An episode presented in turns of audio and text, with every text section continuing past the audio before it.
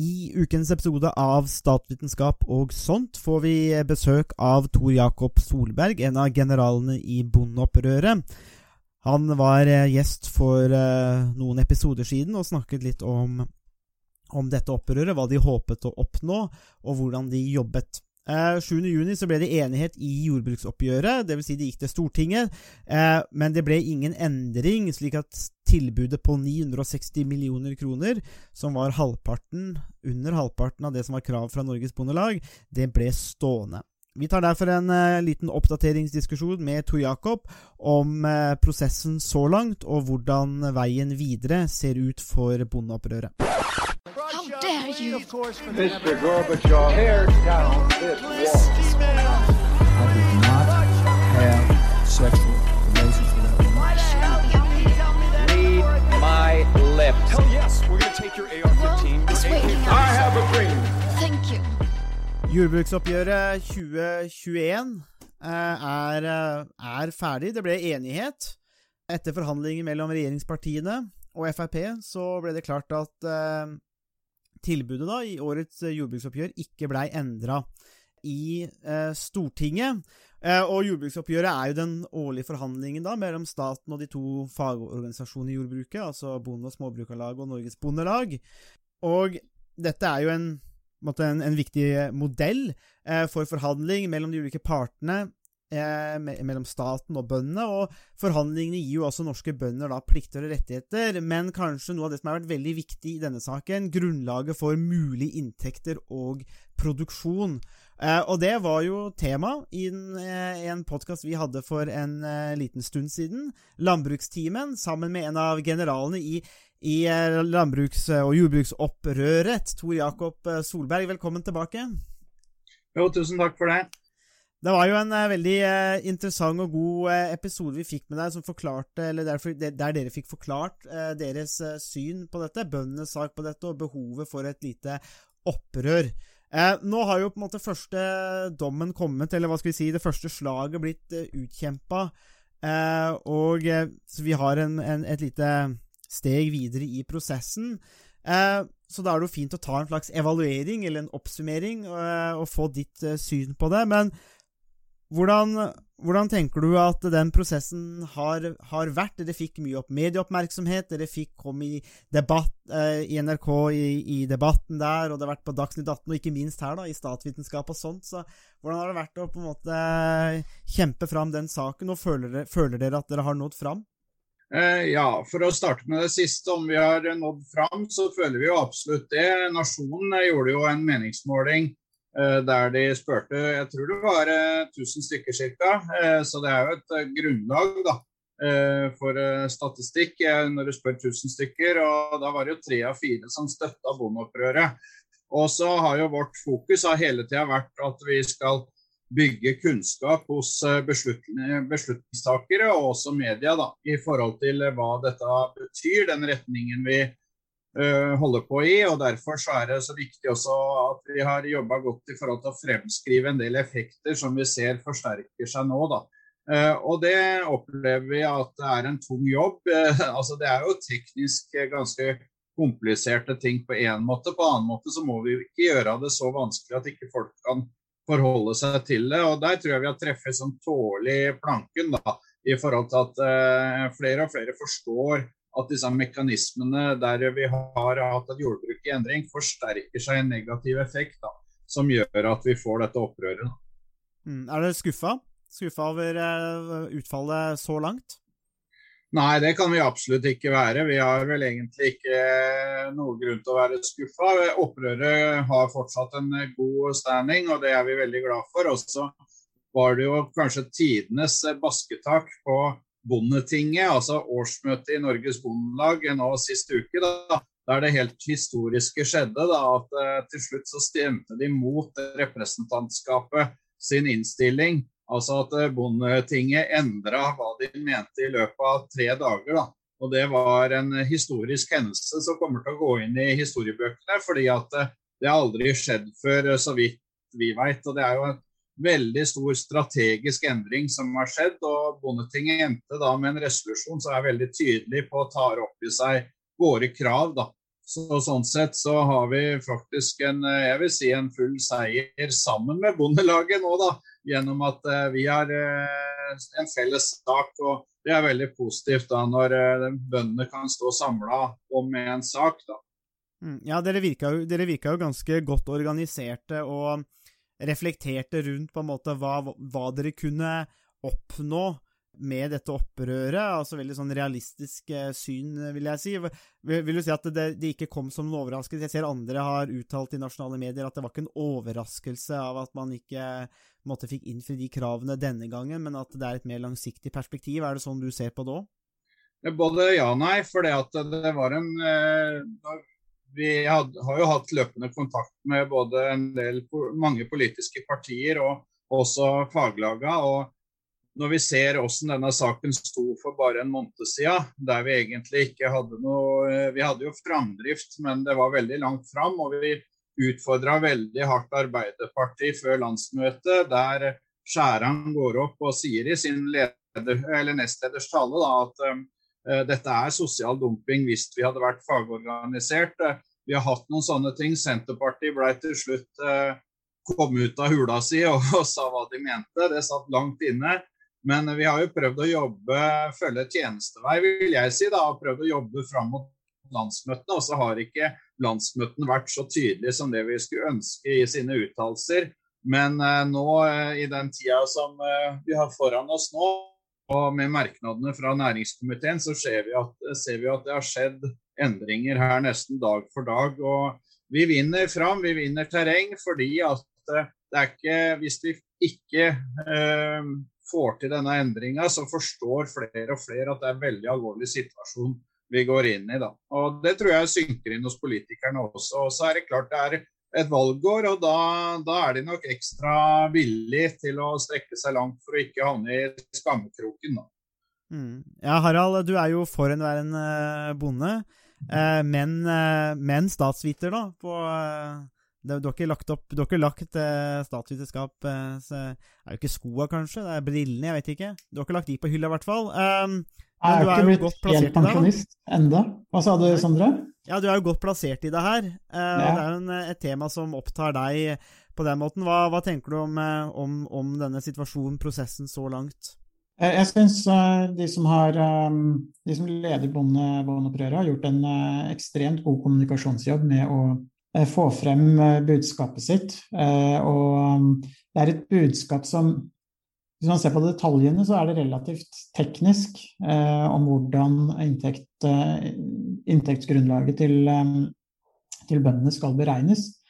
Men de har vært veldig flinke til å fokusere på det som er konsekvensen av at økonomien i, i landbruket eh, har vært, eh, vært, svak over lang tid, og at det er en utvikling i landbruket som, eh, som de presenterer som, eh, som, ganske, eh, som, har ganske store konsekvenser, ikke bare for landbruket ikke i seg selv, men for, egentlig for hele eh, det norske samfunnet. Jeg tenker Det er der de har har lykkes eh, ekstremt godt med, med kommunikasjonsjobben.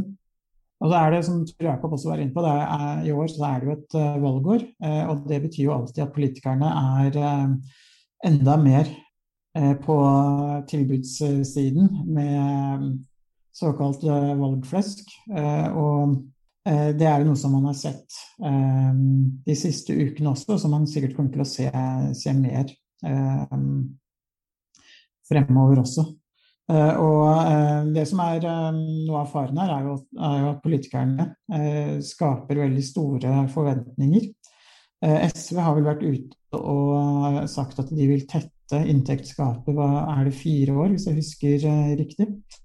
Og det er jo ekstremt ambisiøst, spesielt hvis man, hvis man endrer forutsetningene for hvordan inntektsgrunnlaget beregnes, hvor man egentlig da måtte gå tilbake Eh, eller begynne på et litt lavere eh, utgangspunkt enn det som, eh, som er grunnlaget i tallmaterialet man, man, bruker for forhandlingene. Men en annen ting som jeg også syns har vært veldig interessant, er at tradisjonelt så har diskusjonen om landbrukspolitikken blitt ført mellom faglagene, altså Norges Bondelag og Norges Bonde- og Småbrukarlag på den ene siden, og den til enhver tid sittende regjeringen gjennom jordbruksforhandlingene hver, hver vår. Og det er stort sett i de forhandlingene at rammebetingelsene er blitt lagt, men det vi har sett nå i, i vår, er at Eh, rammebetingelsene faktisk i større grad har blitt eh, lagt utenom det formaliserte eh, samarbeidet mellom landbruksorganisasjonene og regjeringen. Og det er egentlig noe som overrasker meg litt, og som jeg hadde ikke trodd at bondeopprøret ville få en så direkte påvirkning på både forhandlingene og på på utformingen av landbruks, uh, landbrukspolitikken. Så der er jeg egentlig um, imponert og positivt overraska over hvor, hvor langt de, de, har klart å nå, faktisk. Og som Tor Jakob også var inne på, så ble det jo også Man gjorde også om på innstillingen som ble vedtatt av Norges, Norges Bondelag på det såkalte Bondetinget. En kan jo legge til at den nye, den nye lederen av Norges Bondelag kom jo faktisk fra Østfold, og til og med, med Halden.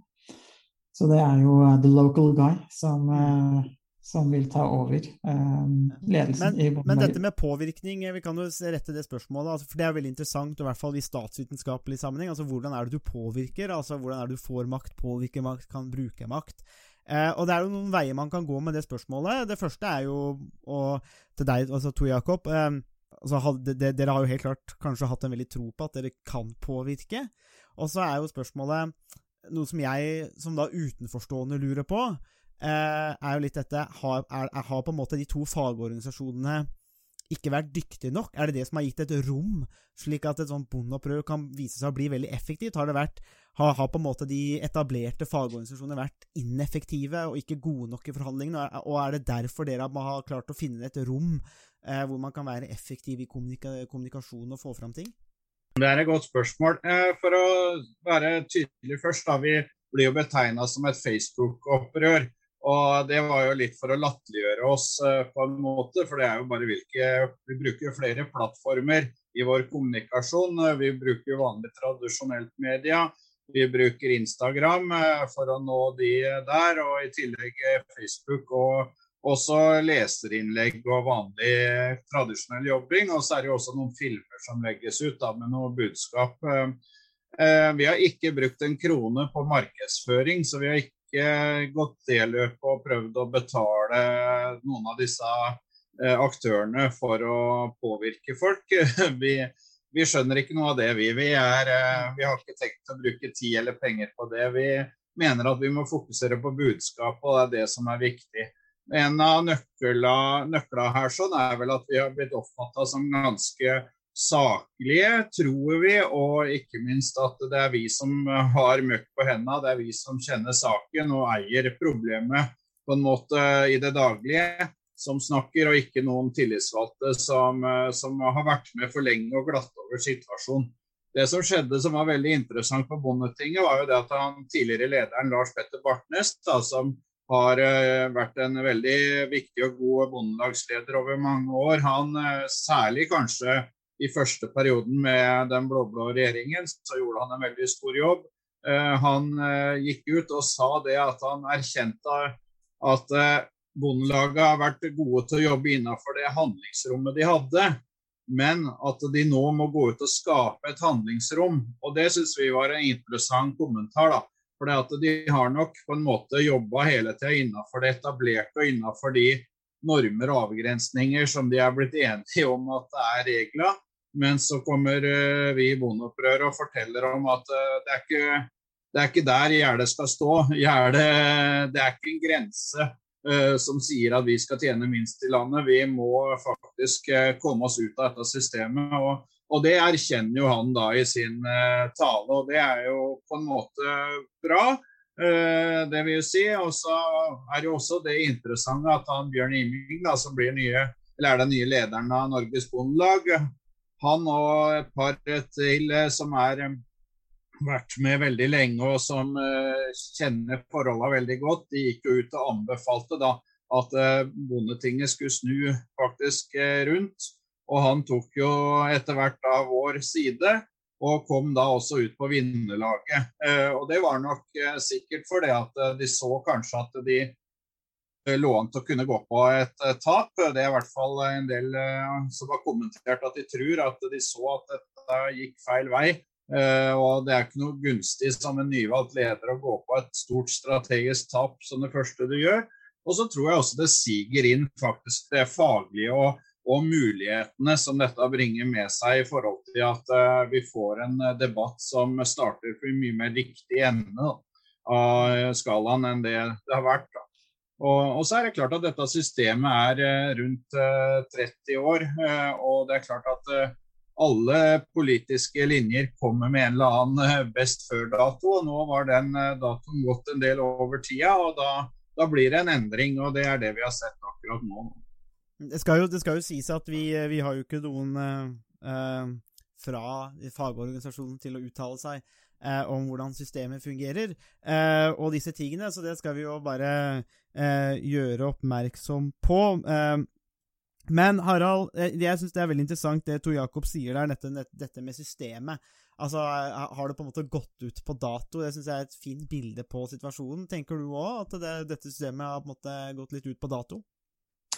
Ja, eh, jeg, jeg, vet ikke helt. Eh, jeg syns jo det er en interessant observasjon eh, at landbruket, deler av landbruket, sånn, sånn som bondeopprøret, måtte uttrykke seg på den måten at systemet kan ha gått litt ut på dato. Det spørs jo litt hvilke deler av systemet man, man snakker om. Hvis man, det er ikke sikkert at selve prinsippet om jordbruksforhandlinger har gått ut på dato, men det kan være hvordan, det, hvordan inntektene har blitt beregna, og hva som er grunnlaget for forhandlingene, som har vært om lag likt de siste 30, 30 år, at den delen har gått ut på dato. Men det er jo også interessant, som, som Tor Jakob var inne på, at den Lars Petter Bartnes, eh, den eh, nylig avgåtte eh, bondelagslederen, sa at man måtte skape et nytt handlingsrom, og det at man hadde vært dyktig på å utnytte handlingsrommet man hadde. Og det er jo en erkjennelse av at deler av Altså det er, det er begrensninger på hvor mye man kan oppnå gjennom forhandlingene og jordbruksavtalen, og at man må skape et handlingsrom og en forståelse for den økonomiske situasjonen uh, ved å påvirke uh, opinionen, uh, media, politikere, alle de som står utenfor jordbruksforhandlingene. Og det kan hende at det som man ser for seg, er at jordbruksforhandlingene kanskje vil handle om litt fordeling av ressurser innad i jordbruket og ta seg av noen av de mer tekniske spørsmålene, mens en del av de mer overordna spørsmålene om politisk og økonomisk utvikling eh, kanskje vil i fremtiden eh, bli viktige. Eh, vil være viktig å påvirke opinionen og andre deler av samfunnet. Ikke at man får et, en strategi som er både utadrettet og innadrettet. Mens strategien fram til nå kanskje har vært, i hvert fall fra faglagene sin side, vært eh, i større grad innadretta mot jordbruksforhandlingene enn utadretta. Bondeopprøret representerer noe nytt i, eh, i, så måte, hvor de eh, er med på å både opplyse opinionen og um, løfte diskusjonen ut av mer sånn lokka forhandlingsrom og ut i, uh, ut i uh, et mer åpent uh, lende. Og det kan,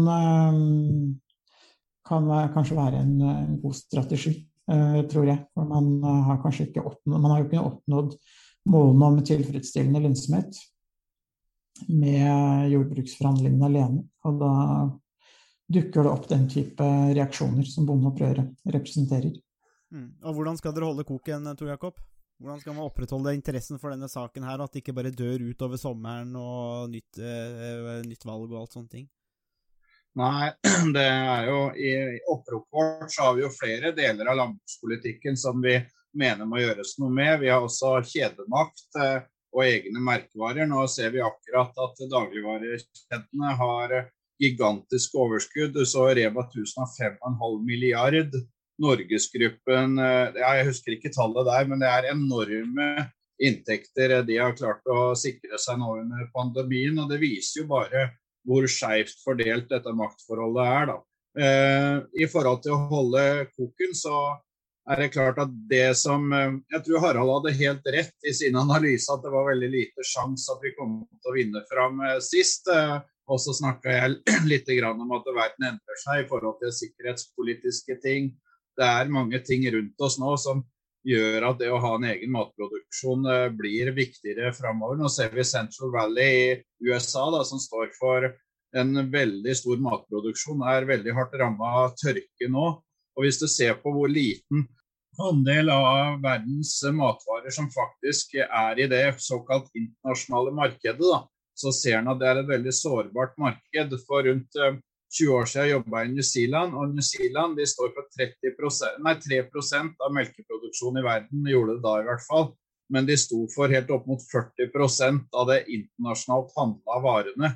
Altså, det sier litt om at det er bare noen få land som står for store mengder i det internasjonale markedet. og Det er der vi også vil se handelskriger framover. Og mat er jo det mest brutale maktmiddelet sånn sett. Da. og det trenger jo ikke nødvendigvis å gå rett på Norge. Det kan også gå på land som eh, er svakere enn Norge, som, eller enda mer sårbare. da, Som eh, veldig fort kan bli satt under et press, eh, sånn at de stemmer annerledes i FN eller går til krig mot en nabo eller osv. osv. Så sånn at dette er et rått, rått, maktspill, og det er vel det som ofte snakkes om i forhold til fremtidige hybridkriger. da, Der en tar i bruk både ny teknologi, men også dette med å tvinge folk i kne gjennom eh, å strupe mattilførsel.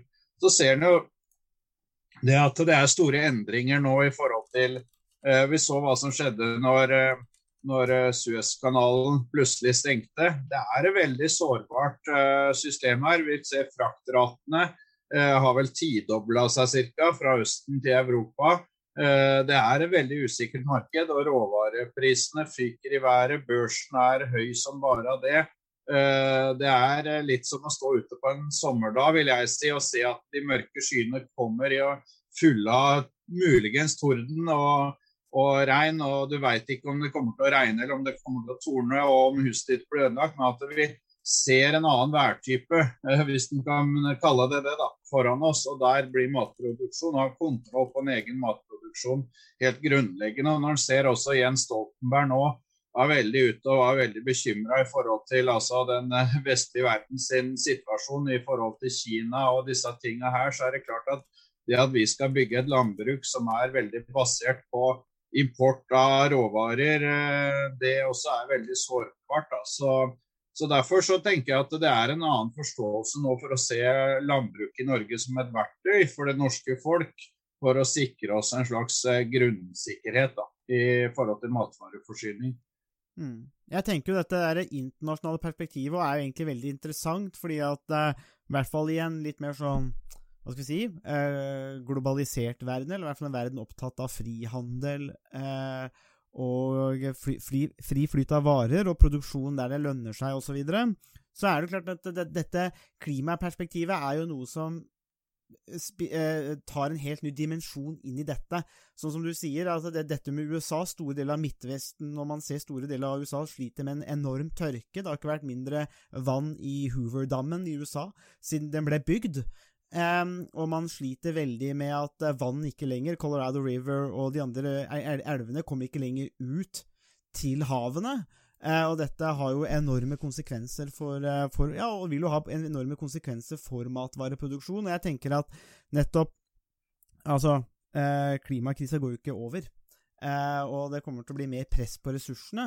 Og jeg tenker at der er det jo kanskje et potensielt en ny dimensjon til jordbrukspolitikken og jordbruksforhandlingene nettopp dette, sånn som du sier, da, at eh, kanskje vi må være forberedt på andre typer kriser. og eh, det har jo vært noen uheldige situasjoner med dagens regjering òg, hvor man på en måte ikke har, har, vært, vært beredd og man har hatt beredskap for pandemier og konflikter, bare ikke akkurat den som traff oss nå. Eh, og da kan man jo kanskje passe på um, å, vurdere hva man skal gjøre i framtida.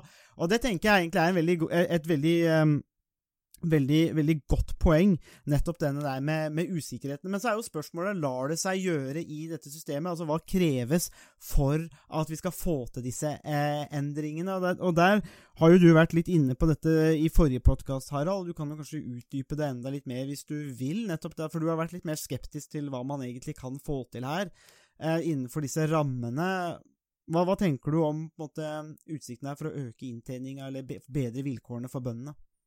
Jeg tror det vil, eh, vil, kunne være utfordrende. Jeg tenker det er det som er eh, til syvende og sist det, det store målet, eller formen dem som bondeopprøret eh, ønsker, nemlig å skape en, en, lønnsomhet for produsentene som er, som er akseptabel. Eh, og eh, eh, nå har eh, prisene på landbruksvarer økt ganske mye internasjonalt de siste året. Jeg tror opp mot 40% på noen av indeksene. Eh, så det betyr jo at eh, handlingsrommet kan, kan kanskje øke, økes noe. Sammen med høye, høyere fraktrater, som Tur Jakob også var inne på, så betyr det at prisene på importert korn f.eks.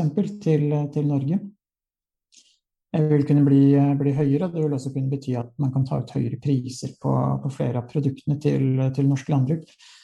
Um, det, det, som, det, som, er noe av uh, usikkerheten her, er uh, at selv om prisene kanskje kan økes, så øker også kostnadene. Og kostnadene har også vært en viktig faktor i å skape uh, den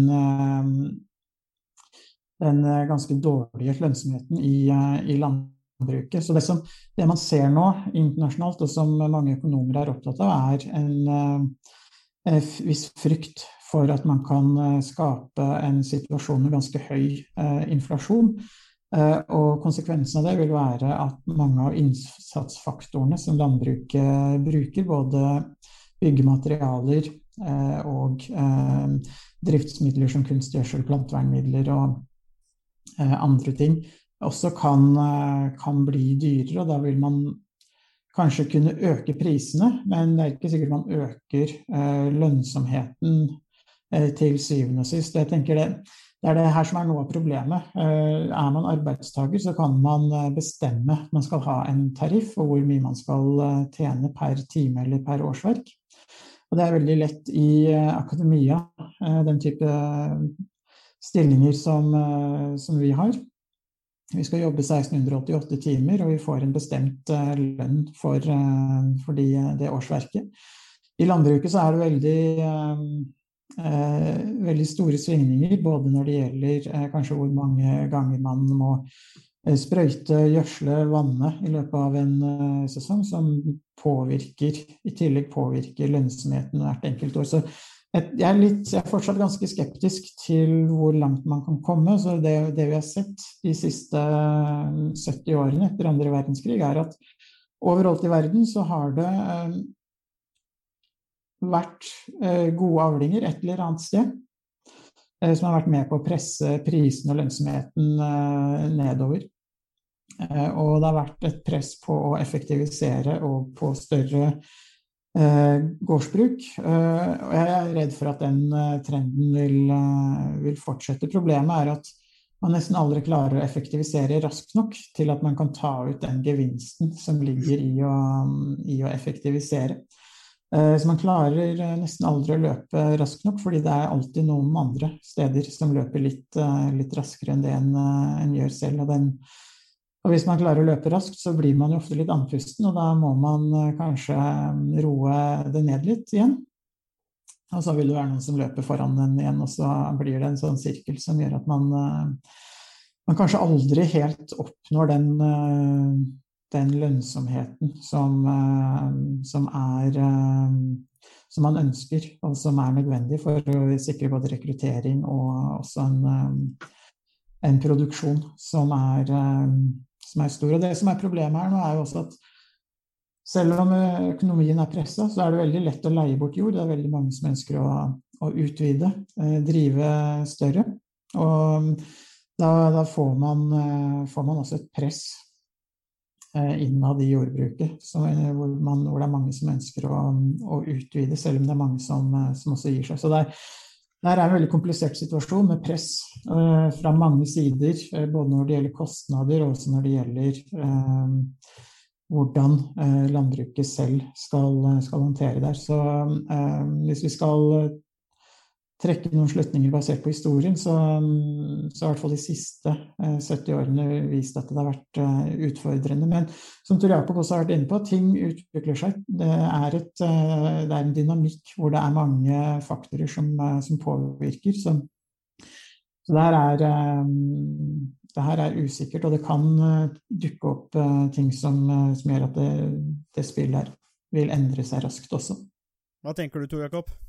Jo, jeg tenker det at eh, jeg tenker Hvis det var eh, politikere i Norge, og de, alle snakker om at det er så viktig å ta vare på forhandlingsinstituttet, det er liksom et av de mest brukte orda i denne sammenhengen eh, noen ganger. da. Og hva betyr det? Jo, det har jo vært kjempegod deal for staten å ha dette her. For det har fått oss til å komme Vi produserer som aldri før og ligger nå helt i bånn av hva inntekter i Norge er. Altså det har vært en god deal for staten.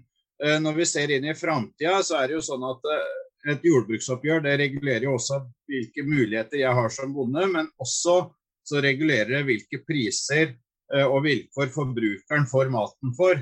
Og Det kan du si er svakheten hvis man ikke bygger dette systemet videre. At du vil kunne få at sånn som under pandemien nå, så kunne jeg høsta betydelig høyere priser hvis markedet hadde vært fritt. Eh, det er jeg helt sikker på. Men pga. at prisene er regulerte, så har faktisk forbrukeren tjent på dette. Og det irriterer kjedene litt. For de skulle jo gjerne skrudd opp prisene enda mer og skylda på oss. Men pga. at prisene, mye av råvareprisene er fiksert, så kan ikke de gjøre det uten at vi slår dem i huet og sier at dere ljuger. Uh, og det har vært egentlig en, uh, en, funksjon nå som forbrukeren burde være veldig klar over. At det har faktisk sikra faktisk jevnere og sikker matpris i Norge nå. For uh, bedriftsøkonomisk, vi er jo blitt utfordra på det fra forskjellig hold, at uh, dere får bare ta litt høyere priser. og En del år vil ikke det gå, men sånn som det har vært under pandemien, så hadde det helt klart gått og skrudd opp uh, avansen vår, men det har vi ikke gjort, for det er en del av systemet. Så her er det viktig å forstå at det er et tosidig eh, system som har fordel av dette her. Og ikke minst også alle arbeidsplassene som er knytta til dette rundt omkring i Norge. At eh, hvis du får for store variasjoner, så plutselig så går bedrifter konkurs, eller så plutselig så er det bonanza, så er det noen som stikker av med altfor høy avanse. Så, så, det er en slags treghet i systemet som er egentlig ganske vakker, vil jeg si. For den sikrer eh, norske arbeidstakere. Det er rundt 100 000 som jobber i næringsmiddelindustrien. Eh, i Norge, så vidt jeg husker, at eh, det er 100 000 arbeidstakere som har en litt sikrere framtid også pga. dette systemet. Det er ikke veldig kommunisert, men det er faktisk sånn det er. Også en ting til Harald er jo det at eh, i fjor så har det det ble aldri, har aldri vært produsert mer korn i verden enn det det ble i fjor. Men allikevel så ble det spist mer enn det som ble produsert. Det er ganske interessant. Så vi hadde faktisk internasjonale rekordavlinger, men sjøl da så går uh, lagrene ned. Det sier litt om at vi har store grupper med folk som får økt velstand rundt i verden, og de skal ha sin del av et litt bedre kosthold, og det endrer veldig mye av dynamikken. Og så Når vi da ser litt framover i tid og ser disse klimamessige spesielt utfordringene, så, så blir jo det å ha, ta vare på en norsk uh, kornproduksjon f.eks. Øke, øke den vil være en veldig viktig del av eh, beredskapen vi har i Norge. da. Ellers så Vi i Bondeopprør vi gikk jo også ut med noe som var litt kontroversielt i forhold til at vi anbefalte investeringsstopp. At vi bønder skulle slutte å investere så lenge det ikke var lønnsomt. fordi vi mener å ha veldig gode tall som viser at eh, det ikke er mulig å ta ut avkastning på innskutt kapital og ikke en brukbar lønn sånn det er nå. Og det fikk jo Bondelaget og Bonde- og småbrukerlaget helt i vrangstrupen, for de syntes det var useriøst og skjellsorda hagla nesten i forhold til at vi kunne si noe sånt. Men det er noe sånn du kan som et opprør si faktisk det som vi mener er helt reelt. Altså Det er ikke lønnsomhet i å satse i landbruket. Du får ikke avkastning på pengene dine. Og det, det, er jo et grep vi gjorde da for å få folk til å ta bedre stilling til den reelle situasjonen. da. Og Det har vært egentlig veldig spennende med det å drive et opprør. og Vi har vel, eh, vi kommer til å holde på en god stund til, det er jeg helt sikker på. Men at opprøret kan endre seg i forhold til det som er eh, situasjonen, det er ikke tvil om. Men at i forhold til det at vi kan kanskje hardere konfrontere partiene med hva de egentlig mener, det er nok en veldig styrke både for faglaget og oss til sammen. Og særlig det å ansvarliggjøre det. Nå gikk SV foran. Og Knag Fylkesnes var jo veldig tydelig, da, eh, sånn som du sa, Sondre. Og, og, det er klart det at her står vi helt på vippen til å kunne få en opptrappingsplan eh, tilsvarende det Berge Furre fikk til da i 1975. Og det er jo et av SV sine største seire noen gang. Altså De endra da forutsetningene og la en grobunn da med mye samme bakteppe som nå, med svak lønnsomhet og en verden som endrer seg veldig mye. Så SV ønsker seg tilbake dit, og så får vi se hva Senterpartiet og Arbeiderpartiet lander på. Men eh, dette avgjøres på onsdag, og eh, selve jordbruksoppgjøret i år er så klart en eh, tapt sak. Den går igjennom, men det er det bakspillet og kanskje grunnlaget for en fremtidig regjeringserklæring da, som uh, uavhengig om det blir Arbeiderpartiet og Senterpartiet eller de tre rød-grønne, eller om det blir noe helt annet, så lager det et helt annet grunnlag da, for uh, ny politikk. og Det er jo dit vi på en måte må få det til å bli så konkret som mulig på onsdag. Og det er veldig interessant da, hvis det er vanskelig for Senterpartiet å konkretisere når dette målet skal nås.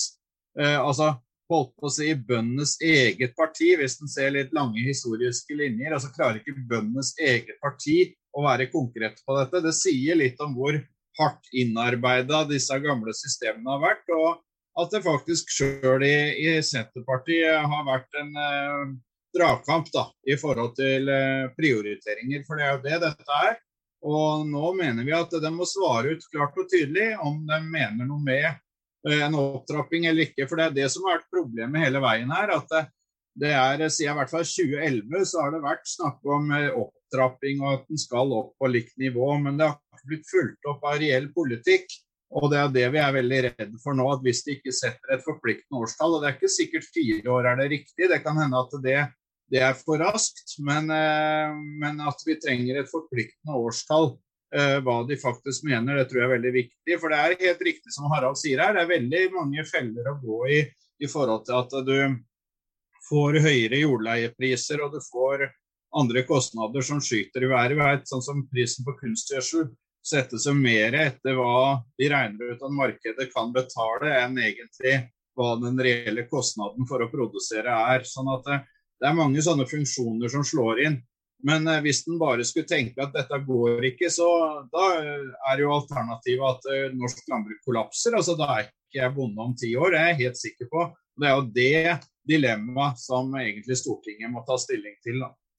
Mm. Det er jo Det er jo eh, sånn at, eh, i hvert fall slik jeg ser det, at eh, det bondeopprøret da, som du eh, står i spissen for, Tor Jakob, det er jo også en del av en, eh, en større og mer internasjonal diskusjon. Altså, Jeg tror vi kan løfte her opp en høyere diskusjon. Jeg så en artikkel i The Economist forrige uke eh, hvor man kritiserer EUs landbrukspolitikk og subsidiepolitikken, og der er det også sånn at 80% av pengene går til 20 av, av gårdene eller eiere. Og her har vi altså milliardærer, blant annet den tsjekkiske